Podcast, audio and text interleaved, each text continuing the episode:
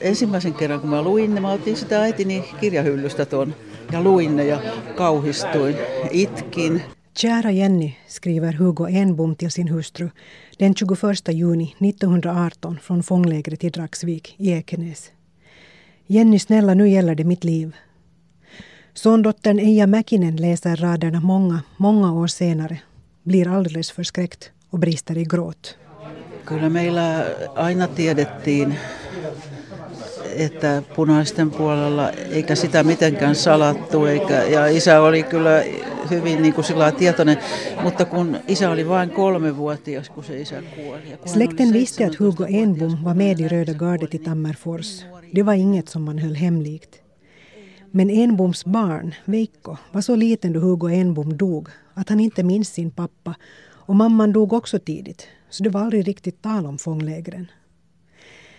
Därför var Hugo Enboms liv från Röda gardet i Tammerfors till fånglägret i Dragsvik i Ekenäs 1918 så gott som okänt för hans släktingar. Ända till den dag hans sondotter Eija Mäkinen hittade Hugos brev till hustrun Jenny i sin mammas bokhylla. Jenny Enbom hade sparat en bunt brev som maken hade skickat både från fånglägren i Brahestad och i Dragsvik.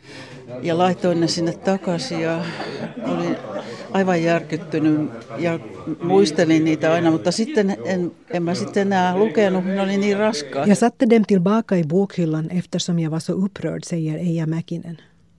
Breven följde med i hennes minne genom livet, men hon läste dem inte på nytt eftersom hon upplevde att innehållet var så tungt att ta till sig. Så dog Eija Mäkines mamma och då kom hon att tänka på breven igen. Ja sitten kun äiti kuoli, niin sitten me purimme hänen tavaroitaan pois ja mä että missä ne kirjeet on, missä ne kirjat on. Mutta vielä tänä päivänä, nyt mä en muista sitä, se oli tietysti aika raskasta, kun äiti oli kuollut juuri, että mistä ne sitten kuitenkin tuli, ne ei kuitenkaan ollut siinä kirjassa. Eija Mäkinen minns inte hur hon hittade dem, men de var inte i bokhyllan. Breven kom fram till sist och då kände hon en stor lättnad. Breven var det enda arvet som Hugo Enbom lämnade efter sig till sonen Veikko Enbom, Eija Mäkinens pappa. Mäkinen deponerade breven i Folkets arkiv. Hon säger att det antagligen var hennes brorsdotter som är forskare som kom på den idén.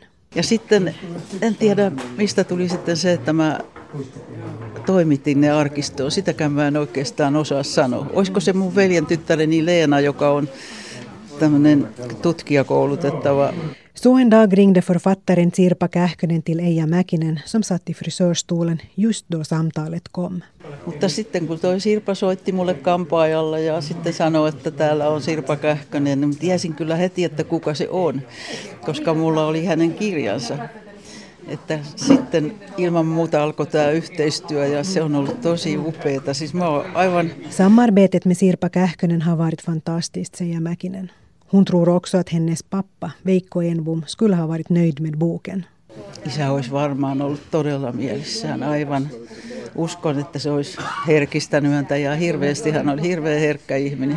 Min pappa skulle ha blivit rörd. Han var en känslig person, säger Reija Mäkinen. Hon berättar till och med en historia om sin pappa, skådespelaren Vihtori Hokka och Hugo Enbom som inte finns med i boken. On mulla semmoinenkin tuolla, kun isä sai sitten, kun oli 50 vuotta kulunut tästä, niin Valkeakoskella oli semmoinen näyttelijä kuin Vihtori Hokka ja hän oli asunutkin sitten Helsingissä tämän Huukon kanssa. Ja Huuko oli kirjoittanut runoon. Mäkinens pappa fick 50 år efter inbördeskriget veta en del om sin pappa Hugo. Skådespelaren Vihtori Hokka hade nämligen bott med Hugo i Helsingfors. Hocka berättade för Veikko att Hugo hade skrivit en dikt som Hocka hittade i ett arkiv. Eija Mäkinen berättar att Hocka gav dikten till hennes pappa. Den handlade om en ung man som suckande frågar sig om hans älskade har bedragit honom. Siinä Hokka kertoo, että hän on ollut ilmeisesti semmoinen temperamentikas ja hyvin pukeutuva ja semmoinen, että hänessä on ollut semmoista taiteellisuutta, niin kuin sitten isäni oli Valkeakosken työväen näyttämöllä ja Valkeakosken kaupunginteatterissa sitten näyttelijänä ja